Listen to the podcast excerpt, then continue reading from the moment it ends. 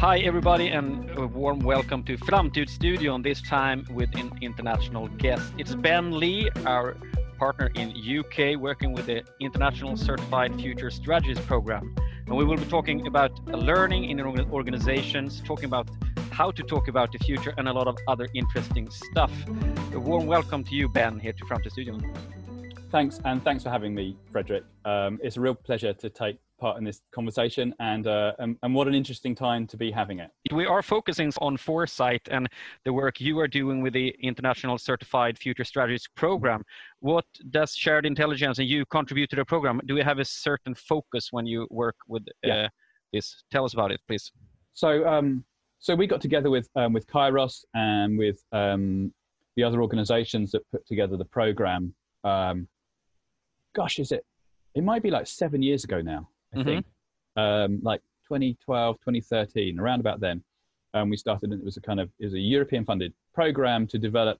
This is part came out of the Leonardo program. It's all about kind of developing, um, in, enabling su- support for kind of new and emerging kind of professional fields, and and and, and scenarios and futures is clearly um, one of those.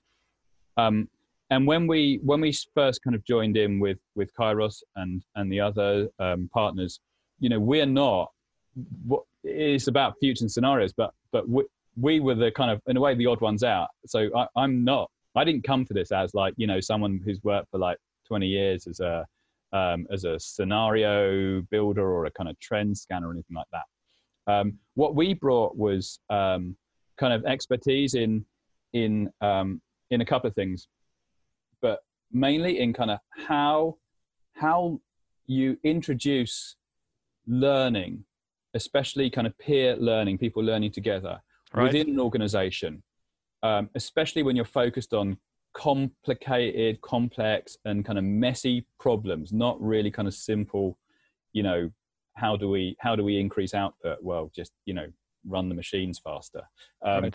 But me- really messy problems. How do you create a situation where people can learn in a way which is connected to what they do in their real job that then actually makes a difference. Hmm. And I think the whole, um, I mean, you know, it obviously it, it, made sense at the time because it was actually Kairos was kind of bringing this kind of consortium together, and um, and and um, I've always believed that this is a really really important part. I there, there must be there, presumably there's, some, there's someone at Kairos who at the time also thought this was important because because most of the other partners in the program are people who've got kind of their background is is very similar to Kairos. It's kind of around around kind of futures and scenarios.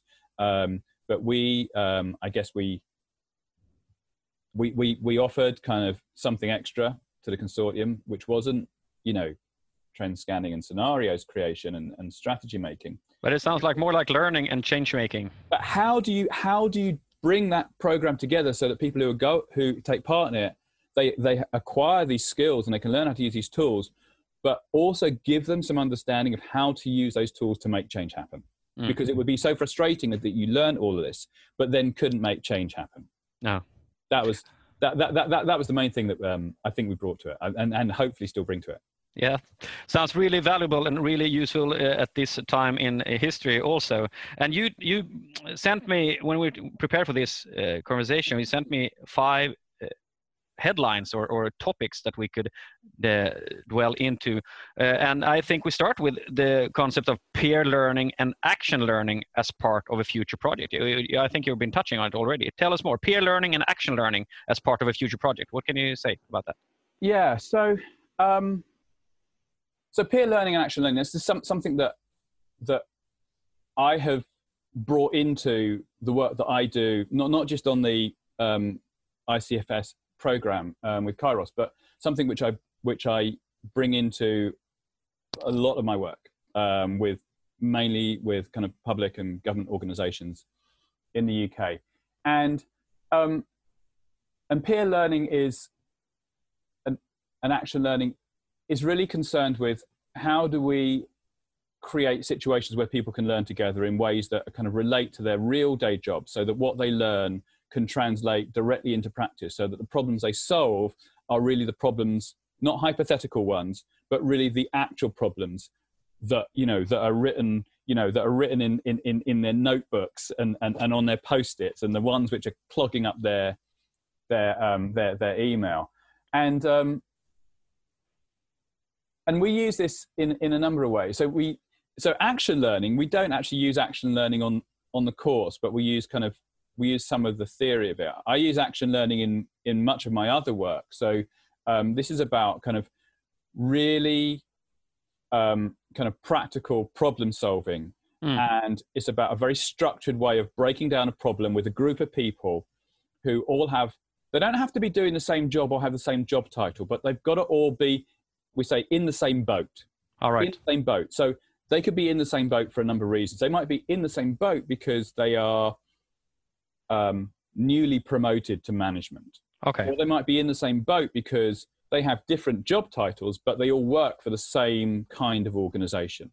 Or they might be in the same boat because they're all involved in one project with one purpose, even though, you know, you might have the person who's kind of like the statistician and evaluator, you might have the person who's like a frontline health worker, but they're all trying to tackle the same problem. So you get people together who are in the same boat and you enable and, and you help them kind of go through this very structured problem solving that really tries to avoid these kind of like circular discussions where everybody's diagnosing what's wrong, mm. but you never get to, but what can I actually do about it? Right. So that's that's action learning, and that is kind of related to kind of peer learning. It's kind of a, a type of peer learning, and and peer learning, kind of more broadly, is kind of concerned with this idea of the communities of practice. Communities of practice, and there was, and this comes out of um, some some work done by um, two two academics, um, kind of in kind of organizational change, Etienne Wenger and, and Jean Lave in the 80s and 90s, when I think we probably many people still worked in organizations that were quite hierarchical. Mm-hmm. Everything just happened because you know the instruction was given by the people at the very top who gave it to the people the next tier down, and it yeah, yeah. you know, got more detailed and cascaded, and everybody knew exactly what they wanted to do. But it was at a time when people, that that system was starting to be less effective, and so this idea that actually problem solving is not just instruction following, but you have to have problem solving by people who um, who are actually involved in the work. Um, and they introduce these ideas of um, one is like this inquiry mindset. It's not just like what do I need to do, but why why is this working and why is this not working? Um, and this idea that rather than trying to reinforce traditional practice, we're always we should be always trying to reinvent practice by questioning. So that's so action learning, peer learning. It's all about this kind of getting more power and control and autonomy to the people actually doing the job, mm. but helping them learn together. So that's that's, to, that, that, that's, that, that's how we try and bring some of that into the program. I think we do actually. And I guess that's driven by the need to change change the way to operate when you are in an informational knowledge society. That's one of the things I suppose. Information and knowledge society, but also um, uh, uh, uh, where where, um, where so much requires um, kind of coordination between different organizations. So it's mm. not just like a single organization and everything that goes on outside is kind of irrelevant apart from the customers or the users, but actually where everything we do is bound up with the actions of other people. Right. Um, whether it's kind of supply chains or whether it's other stakeholders or whether it's like you know a local government trying to kind of trying to figure out where and how to build houses they don't build the houses somebody else does that. They don't really decide the community decides that. There's so many other things going on. There's the transport and train companies. In this kind of far more interconnected world um, you cannot simply have a strategy and an action plan and then just press go. All right. The complexity is too too high. One interesting thing that uh, question that emerges in my mind is uh, how do you see that the school system in UK prepare people for this kind of attitude in work, this this approach? Um, so I've got um, I've got two young children.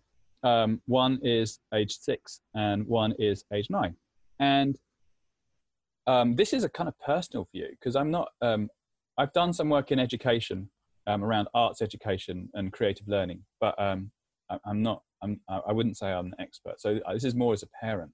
I think it has. Um, we went through a phase where I think many people felt that we were preparing our children in the wrong way. Okay. For this kind of complex network, digitally enabled society that actually schools were preparing children for a world which disappeared 30 or 40 years ago. Um, I'm lucky. My children are a, a really brilliant um, state school, um, um, but what I see there is is actually children are being children really are being prepared for a very different kind of world from when I was at school. Mm. Um, they are learning. It's not about just learning how to do process and learning how to repeat stuff and learning facts.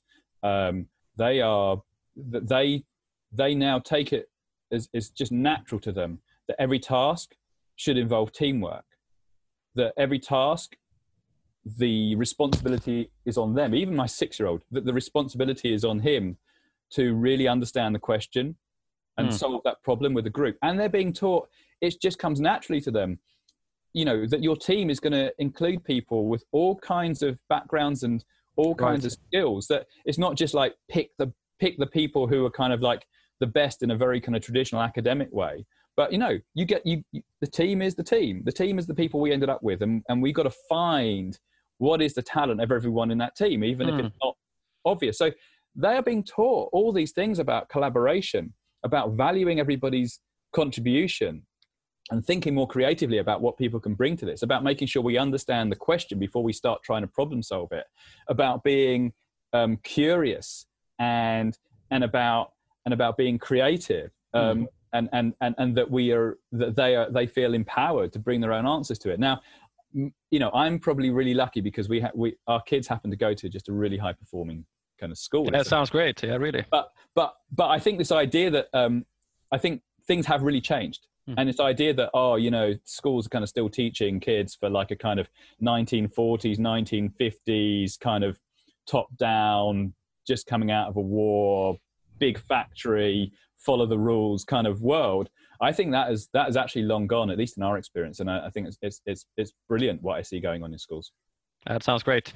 Good for your kids. And we move on with these uh, themes that you uh, suggested. Let's look at making it real and situated learning. What is mm. that?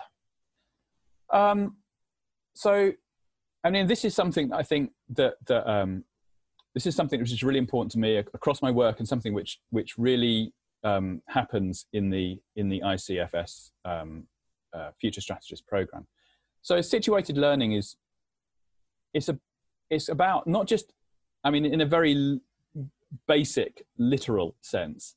Um, you could say situated learning is you know you learn you learn in the workplace you learn where where it is you do your work but it's it's not it's not really that you can you can take people out of the office or out of wherever the workplace is sit it's really about situating what we're learning kind of psychologically and emotionally that it really is about the reality of my job i think often when we're learning kind of we kind of go into this separate kind of psychological space where oh okay i get a, i've got a day off work. I'm going on a course. Oh, okay yeah it's, yeah. it's lovely. It's great. What a relief. You know i can leave all that stuff behind me and just kind of think you know open up my mind a bit. And, and that is really important. But there's also a downside which is my learning is not connected to you know all the the emails in my laptop and and, and all the notes and post-its telling me my to-do list so situated learning is how do we how do we create learning situations how do we create a learning experience which really connects what we're learning to my actual day job Mm. You know, so you know, to, today, you know, one of the tasks on my list was prepare prepare for this conversation. That's a real thing. So mm. you know, so in you know, that's that's what my day starts with. And if if I was trying to learn, then it needs to be connected to this, to this actual task, something I'm actually doing. And um, and the way that we do that in in the um in the ICFS program is that um, we encourage people to work on a real life case. Um, and most, not all, but most people use something which is a real thing from their day job. Some people are like are between jobs or they've left a company or going to something else. They don't actually have a real life case, but mostly people work on a real case. There was there was one guy a couple of years ago. Um, uh, kind of I was kind of supervising his his project. You know, he worked for um, uh, like an electrical components manufacturer, and they right, had, right. You know, they had clients all over Europe and Scandinavia. They had production in China. Um, you know, kind of right at the kind of heart of kind of the modern economy, and um, and he was, you know, he was he was he was looking at scenarios for how his team would what, might happen in the world surrounding his team's work in the kind of in, kind of in the kind of immediate kind of outer outer world. And he was writing a paper and that paper went to his board. And it wasn't like i've been on a course and done this project. He was this is what this is my analysis. This is what i think we need to do. And so there was no distinction between what he was doing. Just on the course we've just finished um, one of the participants runs um, a public library service. And she wasn't again she was she wasn't just thinking hypothetically about you know what do we need what does the future of public library service need to do she was using her own work and not only that actually she was going back with her team and looking at trends with her team, creating scenarios with her team. So she was learning. She was then, as she was learning it, she was then trying to teach it immediately to her team and bring them on a journey as well. So this was absolutely situated in their day jobs. And, and when, when you get that, I think you get, well, it's far more powerful and adds far more value for the people, for the learners. Mm. Um, and and we end up in this world where the learning is absolutely tested against real life rather than oh you know that kind of works on the whiteboard but i've no idea how to relate this to my job no but uh, this sounds like you're taking a, a, something you need to do when you work and you bring it into the to the training program and you spend time on the training program to solve this problem but is there also something about an attitude towards how to learn when you are doing things that you usually do i mean it's one thing to do something in, in a course, a training situation, and bring in uh, yeah. a real case. Yeah, because you've got all this help. You got, you got, you got, you know, you got, you got the the, the, the course leaders. You got people yeah. like um, Ulf Boman um, from Kairos. You know, these really kind of um, really experienced and really kind of inspirational kind of leaders of learning. Mm. Um, and you've got, you know, the wonderful kind of like the Kairos kind of like learning rooms with the mm. view out over Stockholm. I mean, yeah. that really that really helps, doesn't it? Yeah, yeah. Um, but I was also thinking the fact that there is something happening when you you talked about the mental state when you go in yeah. the training, uh, yeah. and you you yeah. So, so all, all, of that, all of that, absolutely, absolutely helps. It really helps. Yeah. But you still need the state of mind, and also you need to help people continue that when they're exactly in their regular office. So, and, and so the, the state of mind comes back to what I was saying when, when I was talking about peer learning. It is we're trying to um, develop this inquiry mindset Mm. So it's not about so I, why why why why why why is this the case? Why does this work? Why didn't that work? What might what might be underneath this problem? So inquiry mindset. Um, and there's a really kind of there's a really interesting um, piece of um, research I read, which is about um, I hope I, I, hope no no doctors are watching this podcast, but um, this is probably very rude about doctors. But um, within within um, like general practice, you know, like your kind of your local doctor, the, the one you go to yeah. when you've got yeah. a sore throat or you know your, your, your kids got spots on their face or whatever. Um, they have a training program where they coach newly qualified doctors. Right. And um, I read a study where um, the the very experienced general practitioners, GPs, who led this coaching program they were brilliant. And the people who, the newly qualified doctors who joined the coaching program, all rated the amount of learning and the, the, the value of the support that they got from these very experienced GPs really highly. They really, they learned and they felt that their learning was because of the skill of these senior people mm. who have been working as a GP for 30, 40 years. When they tried to run a training program for the trainers, it was terrible. They were terrible, terrible learners. Okay. Because they had no inquiry mindset. All right. They they were all about I know what I've been doing and I've been doing it for a long time. They had no inquiry mindset at all. So this is really interesting because you've got this they were great teachers, but they themselves, as learners, were terrible learners. Interesting, because that was one of the things I, I, I started thinking about when you um, explained this the beginner's mind the idea that I, I I don't know everything, I don't need to know everything. I can just experiment. I can fail. It's fine. Uh, I, the important thing is to acknowledge, uh, to to accumulate knowledge here, and that's so important when you when you need to learn in real life and continuously working on be, becoming more skilled. Absolutely, absolutely. capturing learning at times of rapid change sounds like a very interesting theme uh, this spring uh, and summer where the pandemic is is still around us. Uh, what what do you think about capturing learning at times of rapid change? How do you do it? Um, i mean i think this is this is something we're we're, we're trying to do um, at shared intelligence. I think um, it's it's now it's it's such a cliche that um, so many organizations are changing in the have changed have managed to develop new ways of working in the last three months during the coronavirus pandemic since mm. March 2020. People say, you know, we've we've changed and developed further in three months than we had in the last 10 years. This is almost it is true, and there are some really great examples of it, but it's been said so many times, it's almost like a cliche. Everyone takes it for granted that that that they're changing. But the other thing is everyone's under so much pressure. Right. Um, there's a practical pressure because you've got a lot of people can't work in the normal way because they're looking after their kids or they're having to they they think they've got symptoms so they're having to kind of step away from work or whatever so um, so there's a lot of pressure plus there's also lots of new things and that takes up the mental bandwidth in the organization but i guess what we're interested in is there's more pressure but we are learning more. And we will many organizations will probably never get a chance like this again to learn to to operate at the absolute limits of capacity um, and learn how how does our organization work? What happens? What happens when we do things very rapidly? It's like you know if you were running a machine you know in an emergency you're running a machine absolutely at the red line where it shouldn't really be run but you have to anyway.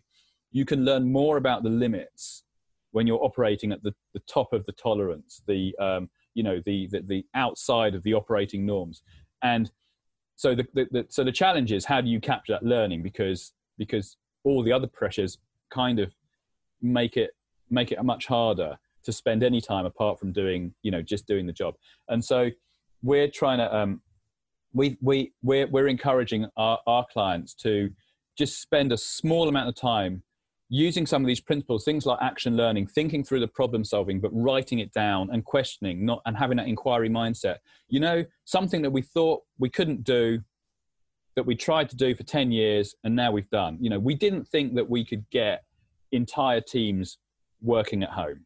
We right. just didn't think it was possible. Um, we didn't think um, we didn't think our users would be able to um, use like, you know digital forms of access um, for so long. We thought we didn't think that people in their 70s and 80s would be able to, um, you know, talk to us through Twitter or WhatsApp or something like that. Mm. Um, we're learning so many things. We didn't think we could join up all this data and identify all these people and find them in our community to go and take them, you know, um, some form of support, whether it's kind of food or essential items. We didn't we didn't know we could do that, but we discovered we can. But to question and write down what so what is it we learned there? because we're going to learn so much. So that's kind of that's kind of like a subplot. So mm. fine, yeah, it's a cliche. We we've moved further in three months than we had in ten years, but we are really encouraging our clients try and find the space to write it down and use those principles of peer learning and inquiry mindset to get the information out. Right. Uh, and, and and some of our clients are doing it, and, and we're helping them do that. I think mm. it's hmm. really really important. Mm. And what do you think this experience will mean in the long run? Do, do can we expect another uh, attitude or, or, um, way of looking at learning in an organization from a, a managerial level? Will managers push for more, more experimenting, more uh, speed, more speedy learning, or what do you yeah, think? Yeah, faster learning. I think. Well, certainly. Um, what what what will happen? What will happen as a result of all this? Um, I don't know. I don't think anybody knows. And oh. you know, the whole point of scenarios and futures is we're not trying to predict the future. We're trying to use the idea of the future to understand what to do today. Yeah. So, um, and I'm the least qualified futurist yeah, in the okay. ICFS program. So I'm not going to try and predict the future, but um, but I think we can see um, we can see behaviors have changed, really have changed for real.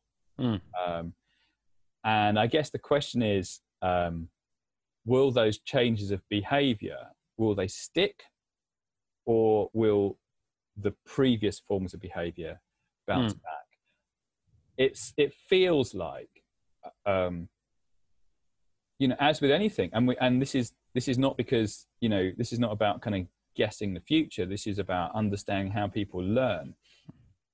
When you embed learning the deeper you embed the learning the more likely it is that that it will stick.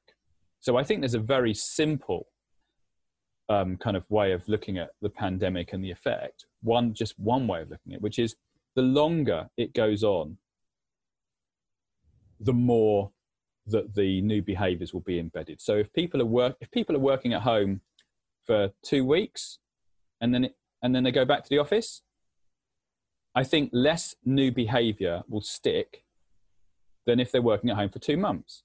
If people are working at home for six months or a whole year, yeah, I think, you know, I don't know what the curve is, but the longer we live where we have to work in these new ways, I think it, the, the, the deeper and more sustained the new mm. behaviors will be.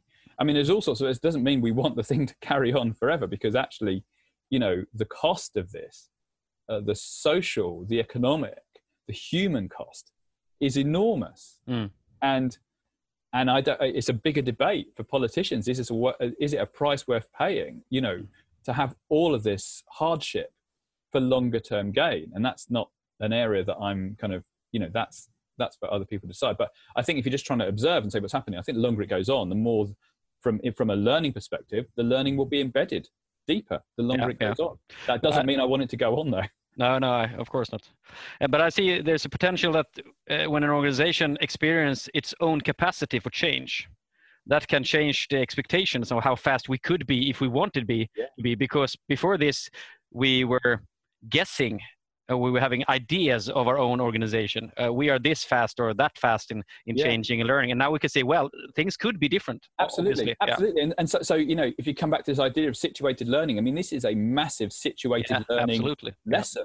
Yeah. We're in it. Yeah. I mean, there's so many companies, you know, uh, over the years have spent so many kind of away days thinking about, you know, what if and thinking about these hypothetical situations. Um, but this is a massive situated learning experience. Mm. We are in it. Definitely.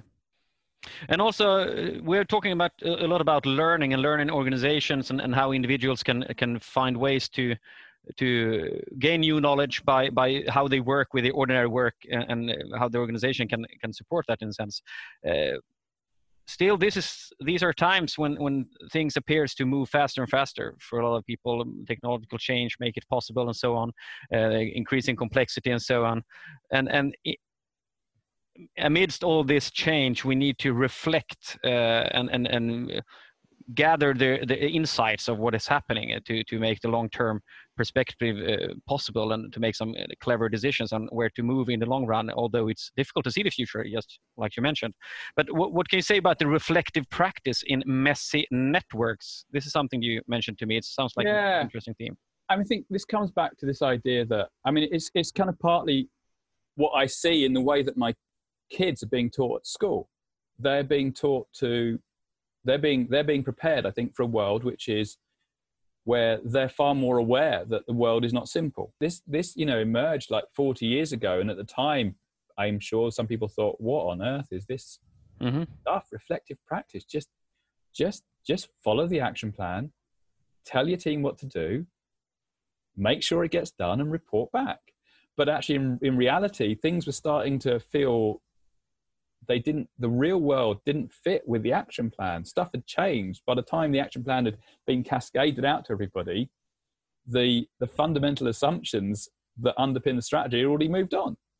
But still for a long time people kind of tried to work. So but the idea of the idea of um, reflective practice is is part is kind of an extension of that idea of kind of a learning organization um, uh, that, that we have to kind of have that inquiry mindset that we have to kind of um, review what we're doing and that this isn't something that happens at the top but every every single person's got a responsibility as, as a as, as a professional.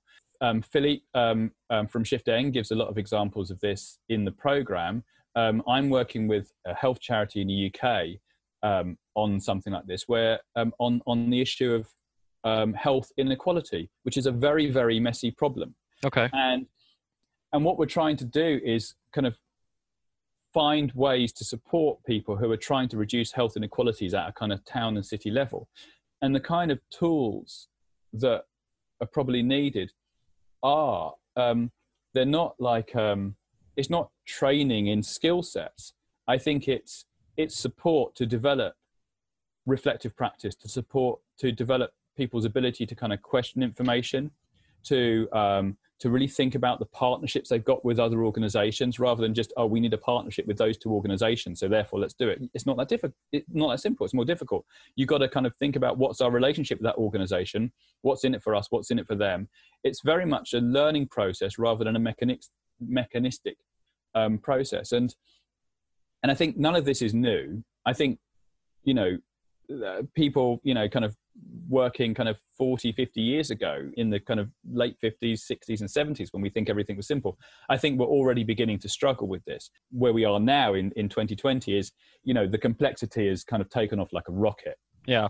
And i think and, and obviously the current the coronavirus crisis has revealed the, the level of complexity. There is so much interdependence now not not just at a community level but at a global level. Absolutely. Um, so yeah so i think so so reflective practice i think is um, it's got it's got a long tradition. I think it's it's one of those ideas of learning and of organizational change that but, that has really come into its own probably in the last decade. Right, but but does it mean when you say reflective practices, does it mean that you, in a way, ritualize uh, thinking things through properly? Or what is the? Because when you describe it like you just did, for me it was like okay, um, people should things uh, should think uh, things through uh, um, uh, regularly and, and stop and uh, reflect on what are relationships. But are there also some kind of structure or some kind of rituals how to do this? I mean that you um, have time every week to do this or any other way of, of structuring this process? yes or i think or put another way we, we, we, have rituals and we have time put aside for all sorts of things we have like weekly team updates yeah, and right. monthly directorate updates i think it's about learning how to use those moments instead of for just exchanging information, but for actually asking reflective questions. Right. So, um, and again, we try and model this in the ICFS program, and we try and do this internally at Shared Intelligence, and we do this with in our in our consultancy work. Mm. That when you when you've got a group of people together, the real um, the task, the the productive thing to do with that time, is not to exchange information tell us what you've been doing. Boom boom boom. It's to actually question and say what are we learning from this? What needs right. to change? Is it right. working? Is it not? So it's not about introducing new rituals. I think it's about using the rituals and the times that we have in the weekly schedule of our work. Obviously now it's all on zoom and it's not in the meeting room but whatever it doesn't really matter. The rituals change but the purpose of those rituals should be to reflect and learn which is very very different from just exchanging information. Right and asking the right questions and asking the right questions. Yeah. Absolutely. Okay, time is uh, soon to be up for us in this conversation. Very interesting, but I would like to to, uh, to say something about how can we learn how to talk about future and futures. So, I think, and this, so one of the things that I've learned um, in these it is like seven years now. It seems this time seems to have really shot past, but in this kind of six or seven years since we've been running the program, yeah. I've been learning myself. Um, but obviously we've had, I can't remember now, maybe, well, anyway, we've had like 50, 60 people on the program, um, maybe more so far. But so working with all these learners, thinking about my own learning, working with the other, the, the, the other course teachers. One of the things I've learned for, for myself is, is, is how we use the idea of the future to shape action now. And I think in some ways it's really not very complicated, but it's a skill that is not that common. Because I think the idea of the future, for all sorts of reasons, has has often been kind of presented as something kind of mystical or magical, or you need this incredibly sophisticated expertise to, to do horizon scanning. And I think some of that is because it's unfamiliar. Some of that I think is maybe self-interest because you know people who have got their kind of business niche doing this stuff are like, yeah, no, not everybody else can do this. This is specialist. Right. Um, but actually, so people are unfamiliar with talking about the future. But once you start to talk about the future and you learn how to use the idea of the future to take decisions now and to create change in your organization now so that you can be more successful or more more resilient and more prepared or if or to try and create the change that your organization belie- believes in. Um, there are you know there are so many kind of simple understandings. So to be in a conversation about about where you've got you know four scenarios or whatever and just to understand you know who who in the room is talking about the future that they actually want. Mm. that kind of normative future. This is the future i want who in the room is trying to talk about futures that are possible or plausible which might include a future they don't want? Right. Who in the room knows what they want to happen and knows what might happen but for their organization they believe that they're big enough and powerful enough that they can actually make the one that they want to happen. They can make it happen because they're a government agency. They've got or they're such a big player in that market you know they make you know they've got like 25% of the market so they can actually shape that market. So understanding how people uh, the different ways in which people are talking about the future and being able to kind of isolate it and and say oh right okay that's interesting. So you're you're, you're talking about the future you want to achieve but it might not be the one that all the that all the data is pointing to. Do you re- does your organization actually have the autonomy the power the control to mm. do that?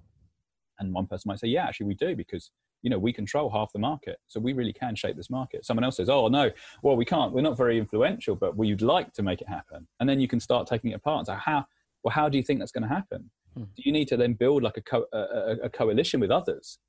Um, and so learning to talk about the future to shape actions now i think for me has been the kind of biggest learning. I think and i think it's for me it's one of the most important things when we're teaching people who are new to this on the icfs future strategist course i think as well as all the technical stuff about how to create scenarios and how to assess you know strategies i think enabling a group of people to learn how to talk about the future i think is is probably the most empowering thing in the program. And then when you bring that back to kind of peer learning, they all learn about it together. We've got people like from the, the course in 2017 who started a WhatsApp group and they still chat to each other on it. Oh, so great. you've got this powerful, this, this group who've all been through this experience and learned these things and yet they're still in touch and they're this kind of like connected network. They are a community. They live nowhere near each other. No. Um, so when you've got learning how to use the idea of the future in a, in a way that you feel confident in, and you put that together with a group of people who have had a shared learning experience focused on their real day job right then i think that's when you've got something that that really does make a difference that was a terrific way to end this interesting conversation. Thank you very much, Ben, for, for being with us here at Framtidsstudion. And I hope we will talk uh, again in, in not very far future and have a wonderful summer with you and your kids.